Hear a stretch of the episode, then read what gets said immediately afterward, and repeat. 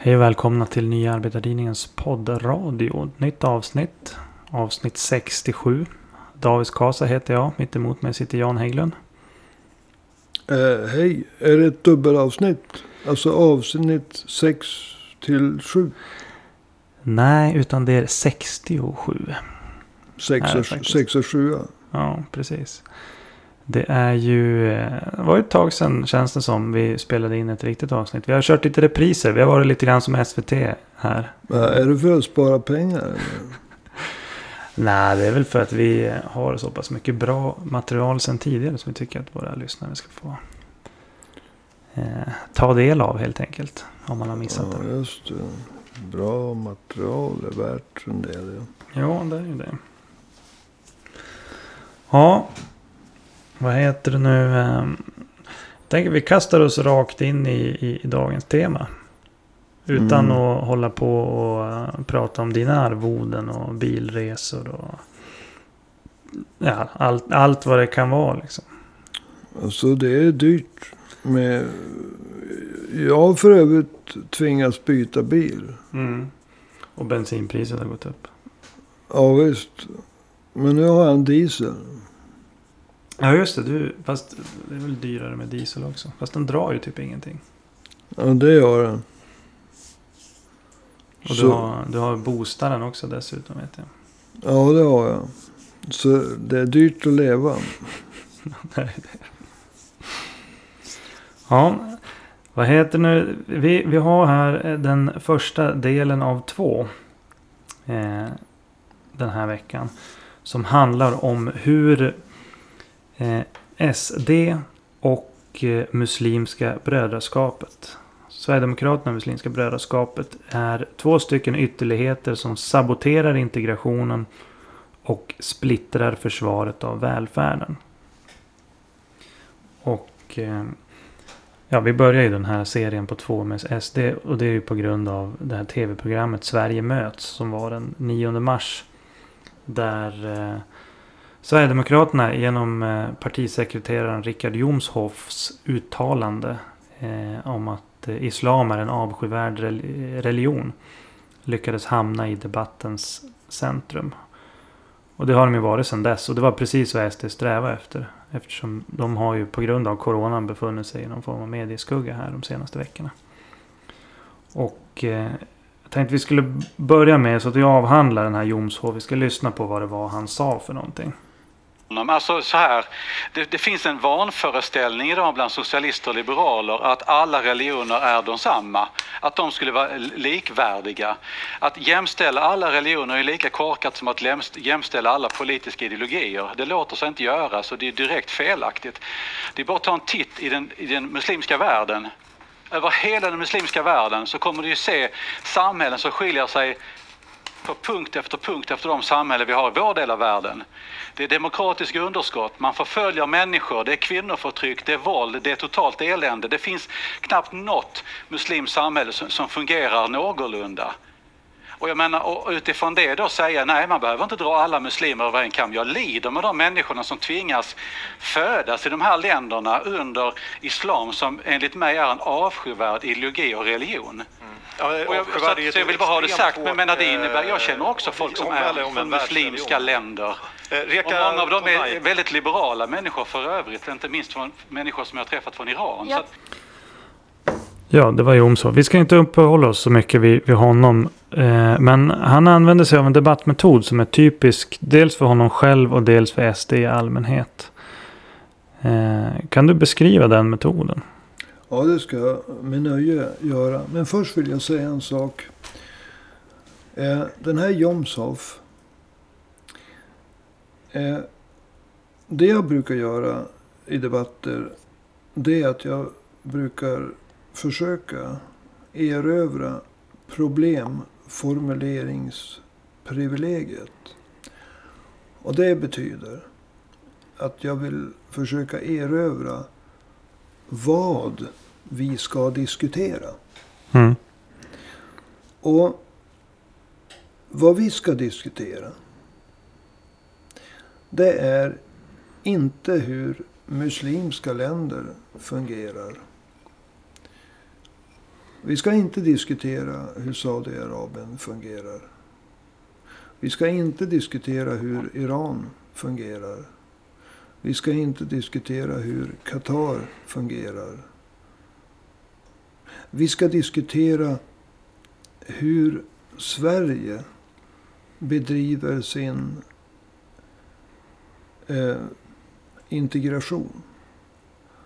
Hur Sverige bedriver invandrarpolitik. Mm. Därför att det finns troligtvis väldigt få människor som John Sof vänder sig till. Som tycker att Sverige ska ta efter Saudiarabien. Mm. Eller Iran. Eller Qatar. Så Jomshof, han diskuterar när han blir ansatt. Inte hur vi ska eh, diskutera integration i Sverige. Han flyr till Qatar, Saudiarabien och Iran. Mm. Lägg märke till det. Ja. När han blir ansatt. Därför att då är han på säker mark. För då blir det liktydigt. Islam är en avskyvärd religion. Titta på Saudiarabien. Titta på Qatar. Titta på Iran. Det finns, och så pratar han om eh, olika samhällen som inte fungerar. Mm. Men debatten handlar inte om det. Debatten handlar om svensk invandring och svensk integreringspolitik. Mm. Kort sagt, hur Sverige hanterar invandring och de som redan har kommit hit. Jo, precis. Och där försökte han fly. Och därmed försöker han alltså förflytta problemformuleringen från Sverige till Saudiarabien. Jag vill börja med att poängtera hur han springer. Och hur journalisterna inte klarar av att springa ikapp honom. Ta den lilla skitstöveln i kragen och återföra honom till debatten i Sverige. Mm. Det vill jag börja med att säga. Sen jag har sagt det. Så eh, vill jag fortsätta och säga vad som är typiskt när han väl debatterar. Eh, det han ska debattera. Och då gör han så här. Att först så häver han ur sig någonting mycket vulgärt. Som att eh, eh, islam är en avskyvärd religion. Och då så förolämpar han alla muslimer i Sverige. Mm. Inte bara de som eh, stöder en viss tolkning av islam. Som den tolkning som Muslimska brödraskapet gör. Eller salafister. Och wahhabiti- wahhabitiska salafister. Mm. Utan han förolämpar alla sunni och alla shia muslimer i Sverige. Och för er som inte känner till det så är sunni ungefär 85 till 90 procent av alla muslimer. Och shia är ja, 10 till 15 procent av världens muslimer. Alltså först kommer ett mycket vulgärt uttalande. Och den är riktad då till den delvis, jag betonar delvis, inte helt, utan delvis invandrarfientliga kärnan bland SDs väljare. Sen får han krit- kritik. Inte för att han kritiserar Saudiarabien. Inte för att han kritiserar Qatar, inte för att han kritiserar Iran. Det finns ingen som står upp och försvarar dessa samhällen. Nej. Utan för vad han säger till de svenska muslimerna. Och då gör han en halv reträtt. För att inte skrämma bort de socialdemokrater som i vanmakt över Socialdemokraternas oförmåga att hantera frågor som invandring och integration. Därför röstar på SD. Så då är det dags för en reträtt. Och därefter följer nya, men aningen mindre vulgära uttalanden. Tillsammans då med halvdementier från Jimmy Åkesson. Ja, det är ju vanligt. Ja, och, och Jimmy Åkesson säger då någonting som går emot eh, Jomshof. Mm. Gärna med tillägg. Ja, jag vet faktiskt inte vad han sa. Ja. Men sen då. Då gör eh, Jomshof en ny framstöt. Efter en reträtt. Eh, som då å, återigen får kritik. Och då retirerar han en bit. Eh, för att liksom, och, och då tar han på sig offerkoftan och då är han missförstådd. Mm. Men genom det här samspelet, en framstöt, en halv reträtt, en ny framstöt. Och så då med hjälp av Jimmy Åkesson. Det är Mm. som att de har en regissör va. Ja, Okej, precis. du går fram. Och så backar du lite grann med hjälp av Jimmy Åkesson. Och så rycker du fram lite grann. Men nu är du ledsen. På med offerkoftan. Mm. Och så vidare. Och så plötsligt har eh, vad heter det, SD gått från medieskugga på grund av att viruset har trängt ut dem. Och så är de i medias värmande sol igen. Mm. Och så lyser det kapp med coronan. Precis. Vem är värst? SD eller coronan? Alltså den här eh, framåt, backa, framåt igen. Va? Och så en rollfördelning mellan Jomshof och Jimmy Åkesson. Mm. Alltså det är regisserat. Jo. Men det är fegt. Men, men jag vill återkomma till att vad vi ska diskutera. Vad som är problemet i Sverige. Vad vi så att säga har rådighet över. Det är invandringen till Sverige. Och hur vi hanterar dem som har invandrat till Sverige. Alltså integreringen. Mm. Vi ska inte diskutera styrelseskicket i Saudiarabien, Iran och Qatar. För att nämna några exempel. Nej. Och Precis. det här är den bedrägliga debattteknik som Jomshof, eh, som han kallar sig nu. Han byter namn lite då och då den där typen. Jag tror att det här är hans tredje namn nämligen. Mm. Ja, det är inte helt ovanligt. Jag tror att Jomshof är hans tredje namn. Va? Mm. Hans tredje efternamn. Det kan vara så att det bara är hans andra. Vi ska gå vidare nu. För att det Ja, intressanta här. Låt oss lämna honom. Det intressanta här är ju hur SD agerade som parti i samband med den här Ja, debatten. det är ju intressant. Kan du Är, berätta är lite det om det? fråga till mig? Kan du berätta lite om det? Ja visst, har vi förhandlat? Nej, men okej. Eh, alltså, låt oss lämna detta, vad heter det, välregisserade drama. Och vad heter det, titta på vad SD som parti, som riksdagsparti ställde sig bakom. Eh, vi ska titta på deras officiella Twitterkonto. Och där ställer sig eh, SD bakom följande rader. Jag citerar. Rickard Jomshof pratar klarspråk om islam, komma, som en avskyvärd religion. Slut på citatet. Alltså, just dessa ord ställde sig SD alltså som riksdagsparti bakom. Jag, jag repeterar, jag vill att lyssnaren ska lyssna här.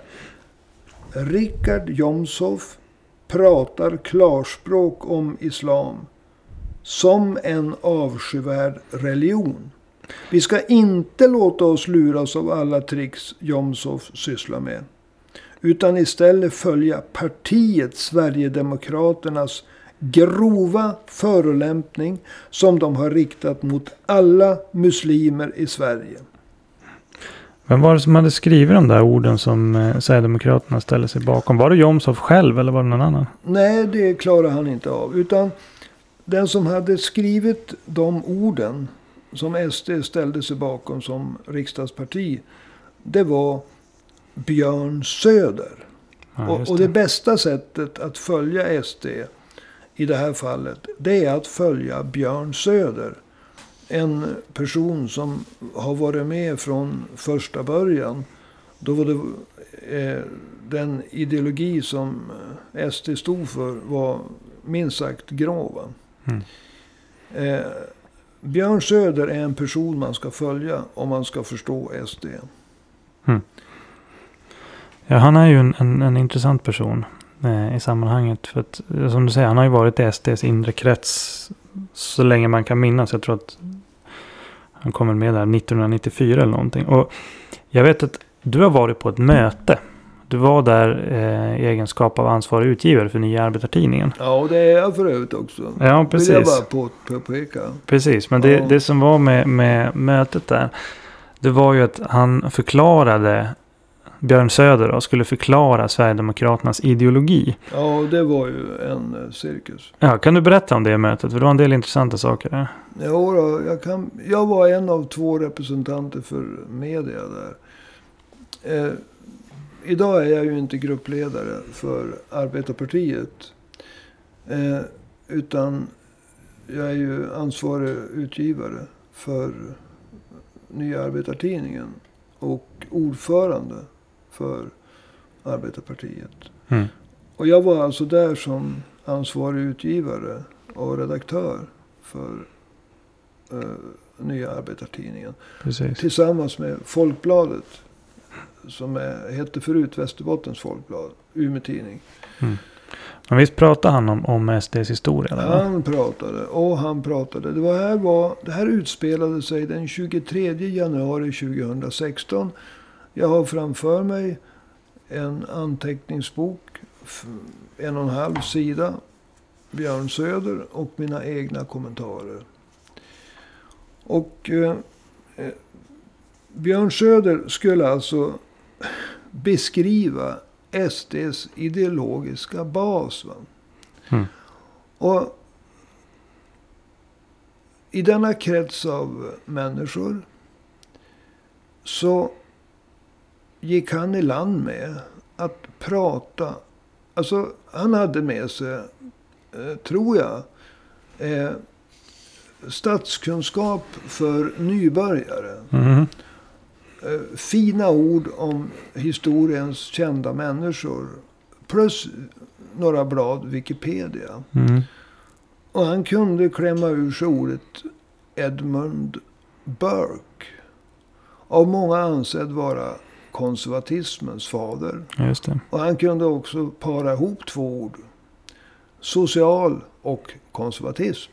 Mm. Till ordet socialkonservatism.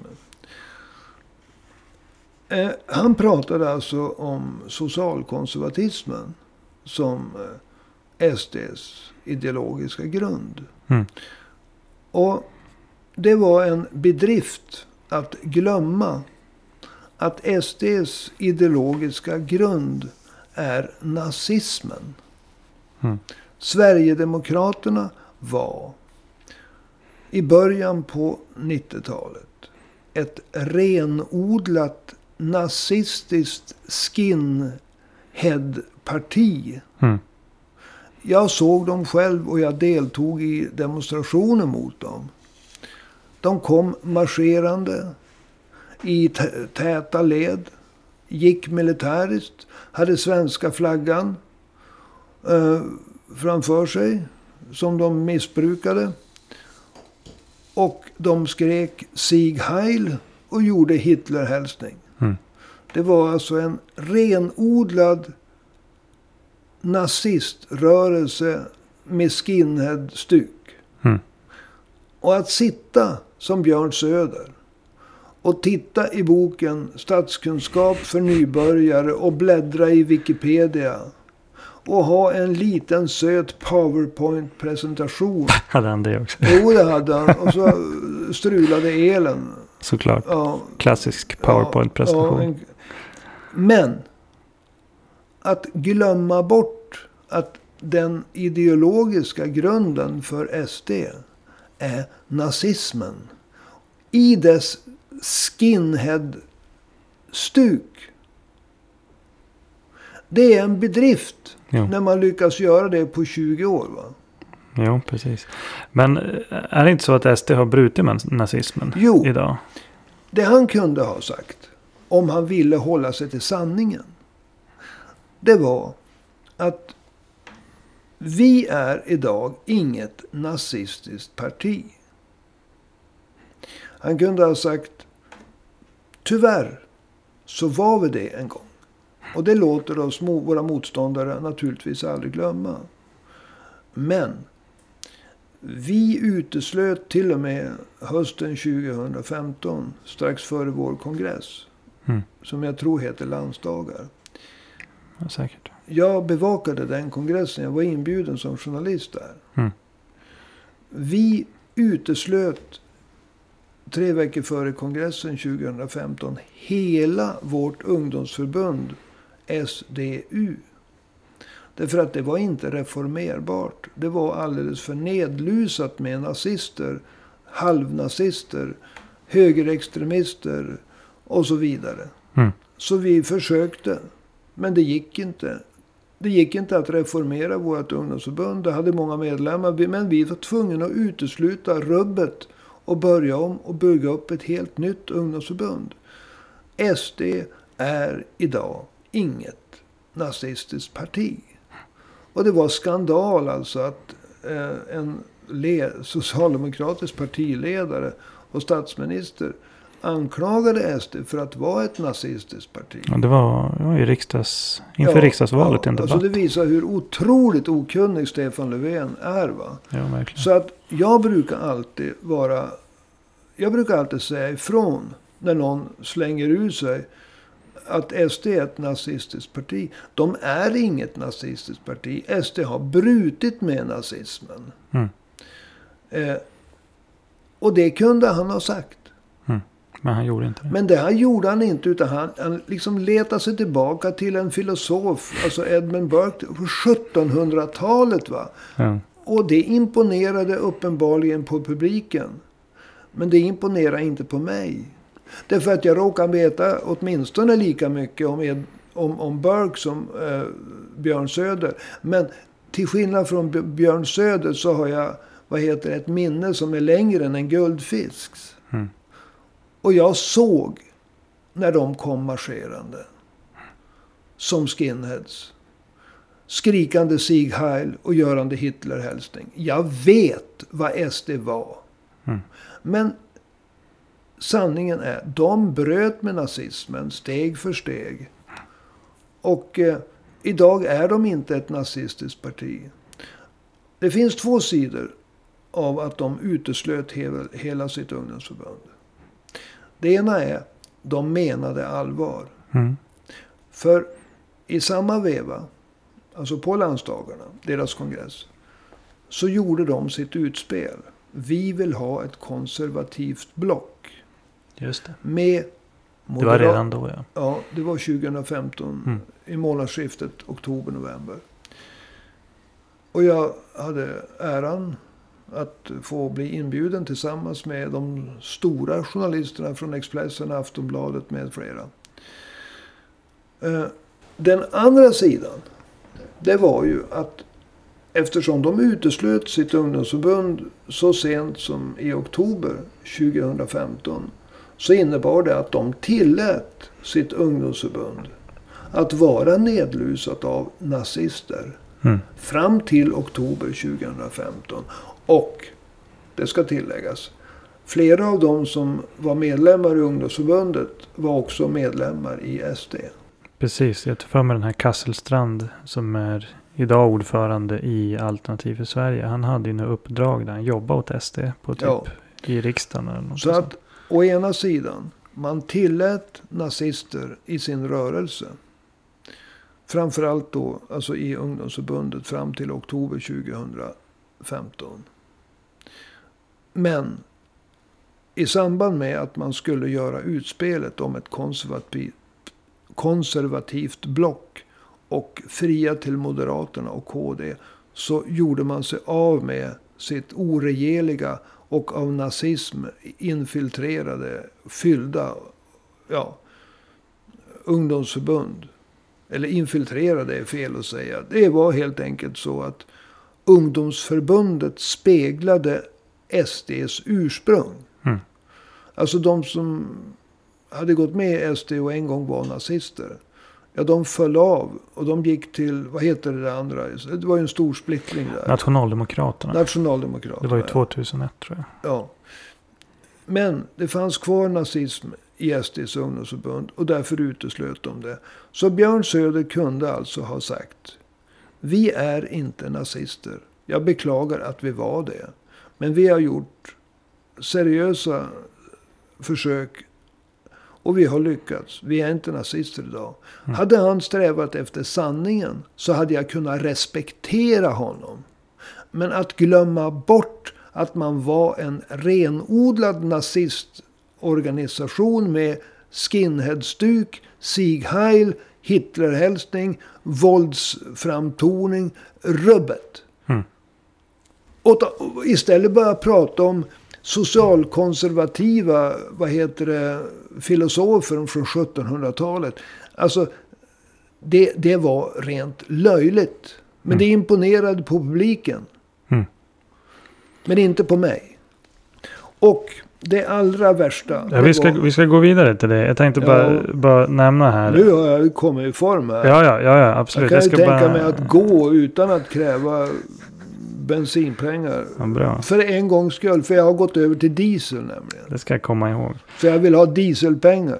Det ska jag komma ihåg. Eh, så här, Gustav Kasselstrand, han som idag alltså är ordförande för eh, Alternativ för Sverige. Han jobbade på SDs riksdagskansli som tjänsteman. Eh, fram till och med november 2012 då han blev uppsagd.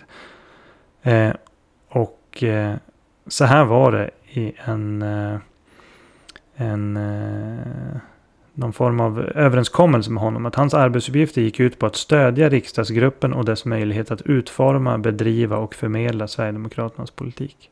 Och han var alltså med i ungdomsförbundet? Jo, precis. Så det, det, var så sent som 2012 så var det det som var hans uppgifter. Blev han utesluten med ungdomsförbundet? Eller? Jo. Men 2012 vart han avskedad som tjänsteman. Nåväl, vi kan lämna Kasselstrand. Tillbaka till Björn Söder. Men, men vad du vill säga det är att Kasselstrand, han var ett exempel på en medlem i det nazistiska ungdomsförbundet. Som, som jobbade hade åt SD. dubbelanslutning. Ja. Och jobbade till och med åt SD. Precis. Och åkte i uteslutningsomgången. Precis. Ja. Precis. Det du pratar om. Men om vi går tillbaka till Björn Söder. Han hade mer grejer att säga på det här eh, mötet om SDs jo. ideologi. Med tanke på att Björn Söder eh, har varit med i SD under den tiden då SD gick från att vara ett nazistiskt eh, parti eller organisation via en övergångsfas till att inte vara en nazistisk organisation så gäller det att hålla tungan rätt i mun. Och jag säger inte att Björn Söder någonsin har varit nazist. För det har jag inga belägg för. Och jag skulle aldrig påstå det. Om jag inte, så att säga, någon kommer och lägger papper framför mig som bevisar det. Va? Så jag säger inte att Björn Söder är nazist. Men det är farligt för en person som har varit med under övergången. När man börjar prata om vad svenskheten är. Och mm. nu ska jag citera vad Björn Söder sa i Umeå. I kommunfullmäktigesalen ovanför tidigare stadsbiblioteket. Lördag den 23 januari 2016. Det här är ett direkt citat som jag skrev ner då. Jag citerar. Svenskheten är en nedärvd essens som det är svårt att sätta fingret på. Mm. Essens. Vad är det? Ja, det kan vara en aminosyra. Men oftast så är det själva kärnan i någonting. Och jag har inte under årens lopp funderat så mycket på det här uttrycket. Utom att jag tyckte att det var sällsynt fånigt. Och eh, det var som laddat för att tillgodose dem som ville vara invandrarfiender. Genom att det var så flummigt. Men på sista tiden har jag tänkt om. När det gäller det.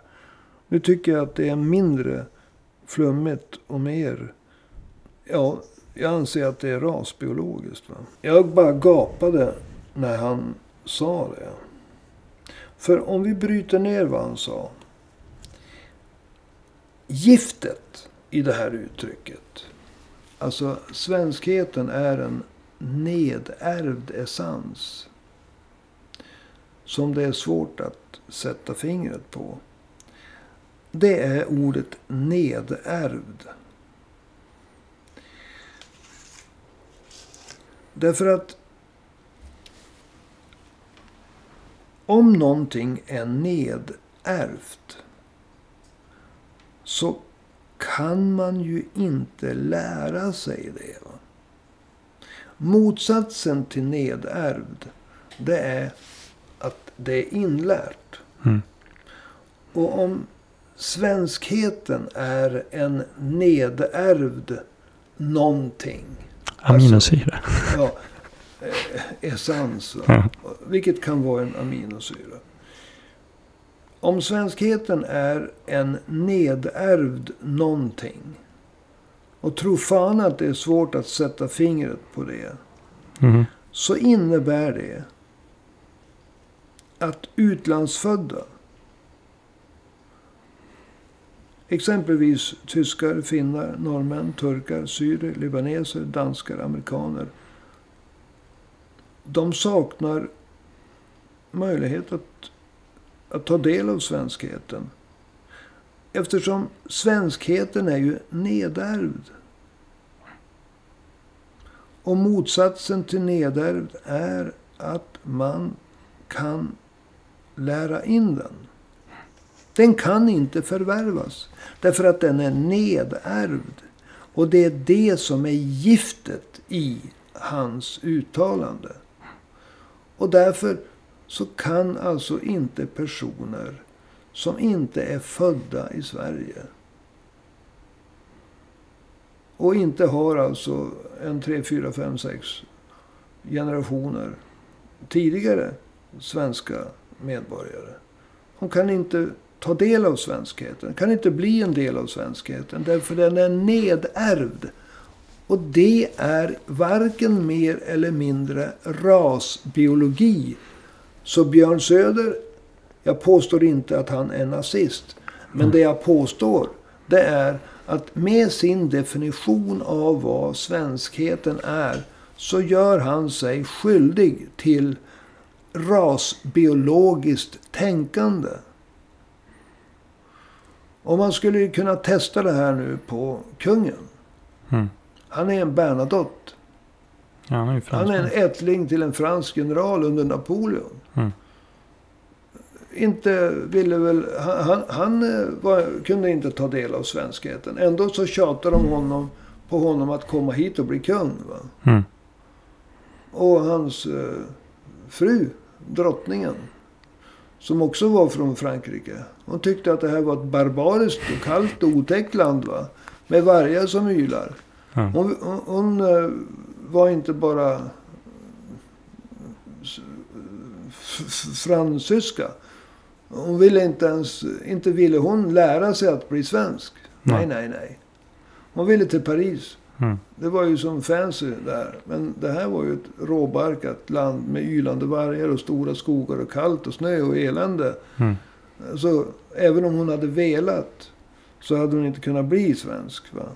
Men alltså enligt Björn Söder så skulle varken kungen och hans eh, gemål på den tiden. Mm. Eller drottning Silvia, en tidigare, en senare gemål. Mm. Från Tyskland. Eh, Hon kan ju inte bli en del av svenskheten för hon, hon är ju inte född här. Mm. Och eftersom antingen så är det ärvt för att man har tio generationer eller sju begravda eh, odalbönder och andra. Va? Ja, på olika kyrkogårdar. Mm. Man kan spara sin rastavla så att säga. Ja. Som åtta generationer bönder tillbaka eller någonting Ja. sånt. va. Alltså ni förstår. Antingen nedärvd.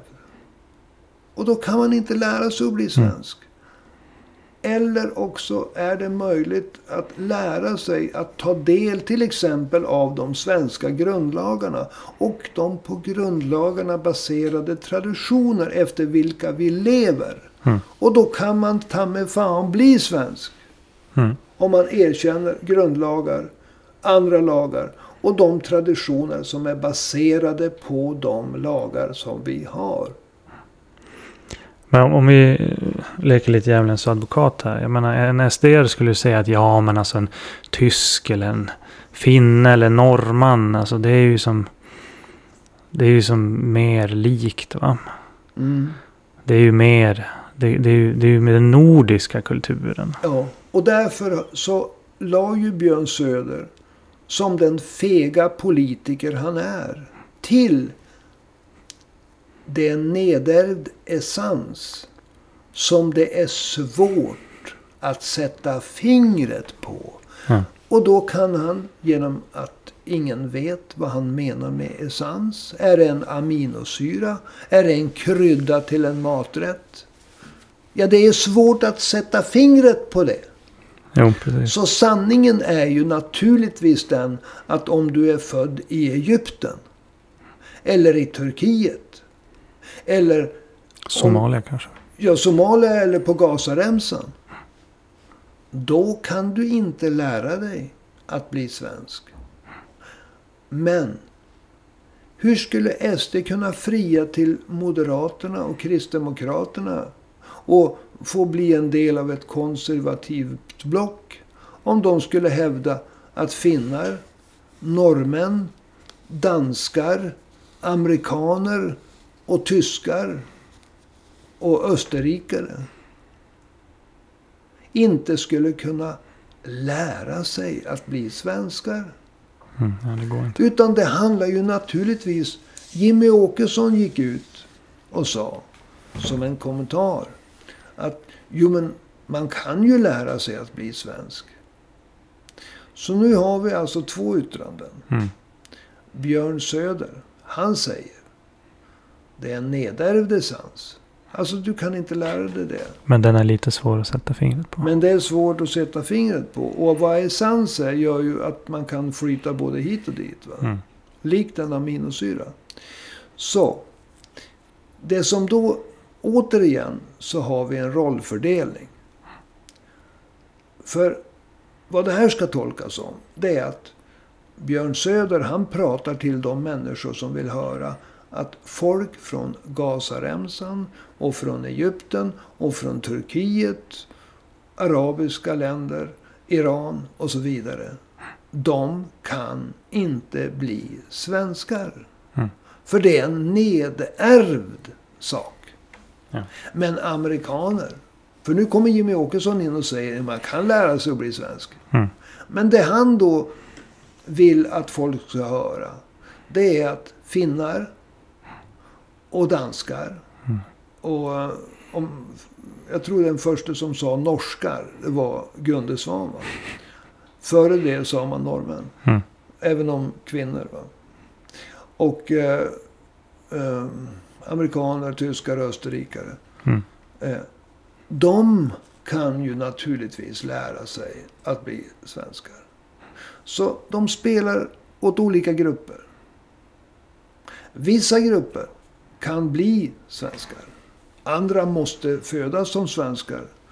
Eller också kan de inte bli en del av svenskheten. Alltså alla kan ju bli svenska medborgare. Men att bli, vara en del av svenskheten. Som en eh, nedärvd essens. Som det är svårt att sätta fingret på. Alltså, det som gjorde att jag inte fattade giftet i det hela. Det var att det var så förbannat löjligt. Jo. Men det var inte det. Det var giftigt. Därför att ordet nedärvd är giftet. Mm. Och i och med att de har två garderingar. Essens och svårt att sätta fingret på. Så kan man ju då, som Jimmy Åkesson, gå ut och säga att det går att lära sig. Underförstått. Om man är amerikan, tysk, österrikare och så vidare. Va? Ja. Men om man lyssnar på Söder, då kan man tänka. Ja, de där araberna. De där palestinierna. De där turkarna. De där somalierna. Ja, men de kan ju aldrig bli en del av svenskheten. För de är inte nedärvda. De har inte tio generationer odalbönder som ligger på någon kyrkogård. Alltså detta förbannade dubbelspel från detta parti. Mm. Som inte vill erkänna sina ideologiska rötter. Ja, det är fegt. Så Björn Söder ger uttryck för rasbiologiska åsikter. Mm. Ordet nedärvd, till skillnad från inlärd.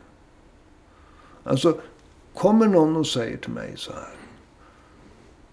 Jag ställer upp på de svenska grundlagarna, de andra lagarna och de traditioner som vilar på dem. Till exempel, i Sverige har vi en fru om vi är en man.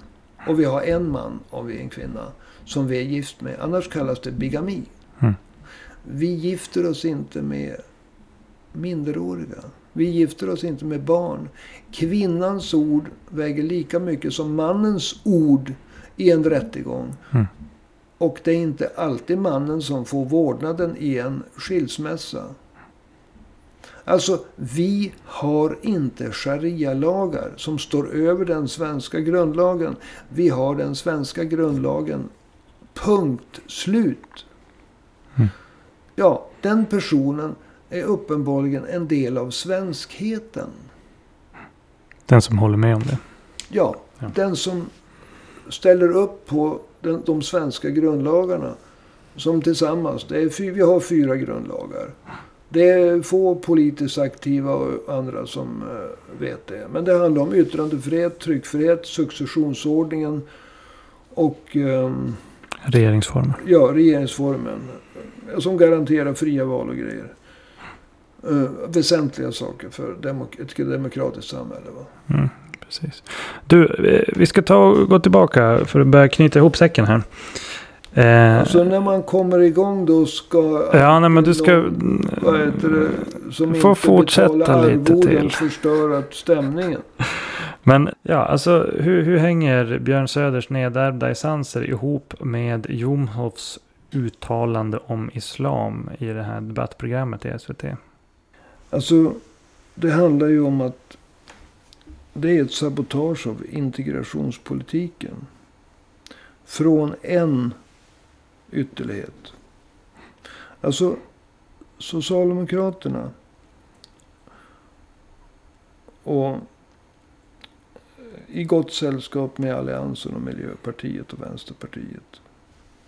Men Socialdemokraterna är det dominerande partiet i regeringen.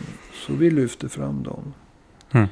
De har misslyckats med invandrings och integrationspolitiken. Och det har SD kritiserat. Och många andra. Och man måste... Arbetarpartiet har också kritiserat att Sverige har fört en misslyckad invandrings och integrationspolitik. Mm.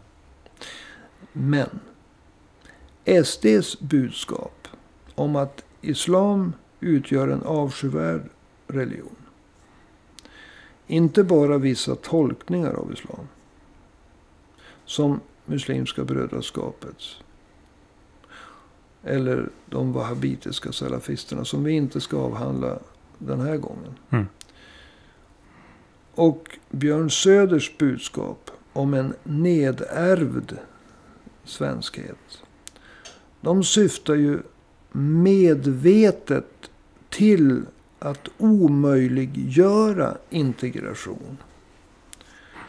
Alltså de gör absolut ingen skillnad mellan muslim och muslim. Alltså, när Islamiska staten sände ut budskap till sina anhängare. Och deras anhängare, det, det var de som så att säga stödde sig på en wahhabitisk salafistisk tolkning av islam. Mm. När man inte gör... Och det, det är en minoritet av en minoritet av en minoritet av muslimer. Jo. Som så att säga tolkar wahhabitisk salafism som att man kan begå terrordåd. Mm. Genom att vägra göra skillnad på muslim och muslim. Som Jomshof gjorde. Va? Och som SD tog fasta på som parti. Och genom talet om rasbiologi och nedärvd svenskhet. Så omöjliggör SD genom de budskapen eh, en möjlighet till integration. Mm. Det går inte. Därför att det muslimerna får höra, alla muslimer, är att ni, till, ni har en avskyvärd eh, religion. Och ni ja, har inte ett antal generationer som ligger begravda på våra kyrkogårdar. Alltså ni har inte svenskheten nedärvd. Och eftersom den måste vara nedärvd, det går inte att lära, lära sig den. Va? Så kan ni aldrig ta del av eh, svenskheten. Ni kan aldrig bli en del av det här samhället. Ni, är avsky, ni har en avskyvärd religion och ni kan aldrig bli en del av det här samhället. Och när man pumpar ut det budskapet, då saboterar man totalt möjligheten till en framgångsrik integration. Det är det första. Och det andra är att man driver muslimer i armarna på det muslimska brödraskapet och på de wahhabitiska salafisterna. Mm. Som själva är emot integration. Du, då tycker jag att det börjar vara dags att eh, avrunda. Har du några avslutande ord för att eh, knyta ihop säcken och kanske hinta lite grann om vad vi ska ta upp i nästa del? Ja. Eh, jag, jag vill repetera att, att Sver Sverigedemokraternas politik genom kombinationen, jag repeterar det, alltså av att de förolämpar alla muslimer. Genom att säga att islam är en avskyvärd religion. De gör inte skillnad på de som till exempel attraheras av terrorister. Som stöder sig på den wahhabitiska salafistiska tolkningen. Alltså alla som stöder den wahhabitiska salafistiska tolkningen av islam är inte terrorister. Men det är från de kretsarna man hämtar radikaliserade personer. Som till exempel begår terrorhandlingar eller reste ner och försvarade exempelvis Islamiska staten med vapen i hand. Alltså, Sverigedemokraternas politik omöjliggör integration mellan etniska svenskar och svenska medborgare som är muslimer. Å ena sidan. Å andra sidan så Muslimska brödraskapet och de wahhabitiska salafisternas politik. Den omöjliggör också en integration mellan muslimer. Alltså svenska medborgare med muslimsk tro. Mm. Och etniska svenskar. Alltså vi har de två ytterligheterna som bor, de borgerliga partierna tjatar om. Det är ju inte det politiskt mesiga Vänsterpartiet. Mm. Utan de två ytterligheterna vi har i svensk politik. Låt mig göra det fullständigt tydligt. Det är Sverigedemokraterna. Som för en tydlig linje för att omöjliggöra varje tanke på framgångsrik integrering. Mm. av de muslimer som finns här. Däremot vill jag poängtera att Sverige kan inte ha en så hög invandring som Sverige har idag. Och det bygger vi inte för att vi, vi, alltså vi hänger inte efter Sverigedemokraterna i den frågan. Vi kan räkna ut det alldeles själv. Det är inte så svårt. Det är inte så svårt va. Det är bara det att det är svår, få som vågar säga det eftersom Sverigedemokraterna har sagt det. Vilket ju är infantilt. Mm. Eh, men det muslimska brödraskapet och de wahhabitiska salafisternas politik omöjliggör också integration. Så att de två ytterligheterna i de här väldigt avgörande frågorna om invandring och integration. Det är Sverigedemokraterna och de islamisterna i Muslimska brödraskapet och islamisterna i det, bland de wahhabitiska salafisterna. Och då kan ju någon säga, men är Muslimska brödraskapet ett parti? Ja, det är de. Muslimska brödraskapet har ett eget parti i Egypten. De vann valet 2012. Mm. Muslimska brödraskapet, ja de har ett parti i Turkiet. Det leds av Erdogan. Muslimska brödraskapet i Sverige, deras huvudorganisation, är Islamiska förbundet i Sverige. Mm. Och de är både en religion och en ideologi. En, ideologi, en, en religion, en, alltså en religiös tolkning av islam. En ideologi som bedriver politik. Mm. Och det är den andra ytterligheten. Och i, i Göteborg så ställer islamisterna upp med ett parti som heter Nyans. Ett parti som mycket möjligt kan bli en riksföreteelse. Mm. Muslimska brödraskapet är en tolkning av islam. Men det är också ett politiskt parti. Mm. Och det är de, som, de två, SD och det muslimska brödraskapet, som är de två ytterligheterna i svensk politik. När det gäller invandring, när det gäller integrering. Och med de två frågorna i grunden så blir det många, många andra frågor som följer. Och det är det jag vill sammanfatta med. Men samtidigt lägga en grund för att i del två som du pratade om i början. Så ska vi fortsätta. Och då ska vi särskåda det alltså islamisterna i det muslimska brödraskapet. Och de, bland de wahhabitiska salafisterna.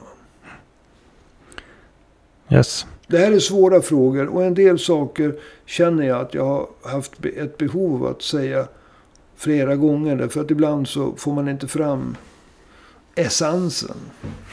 För För att eh, tala med Björn Söder. för att tala med Björn Söder. Så att, men jag hoppas att ni som har hört mina två, tre försök. Ja, har tagit till er något av dem. Yes. Ja men du, tack ska du ha. Eh, Jan Hägglund. Eh, och eh, vi ska diskutera arvodena senare. Men det är väl är ju så. Del två. Vi, vi har ju pratat mycket i podden. Olika delar som har att göra med islamisterna.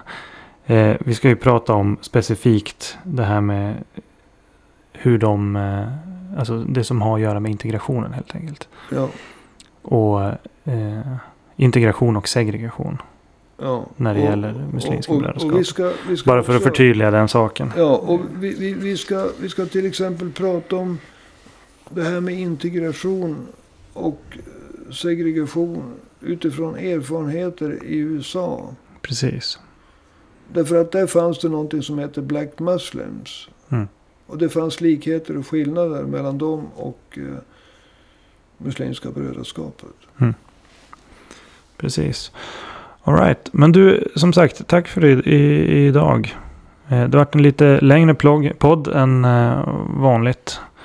Och eh, då kan ju du som lyssnar. Du, du har ju som fått mer valuta för pengarna. Så då kan du swisha ett lite större bidrag för att stötta oss. Numret är ju som vanligt 123 504 7105.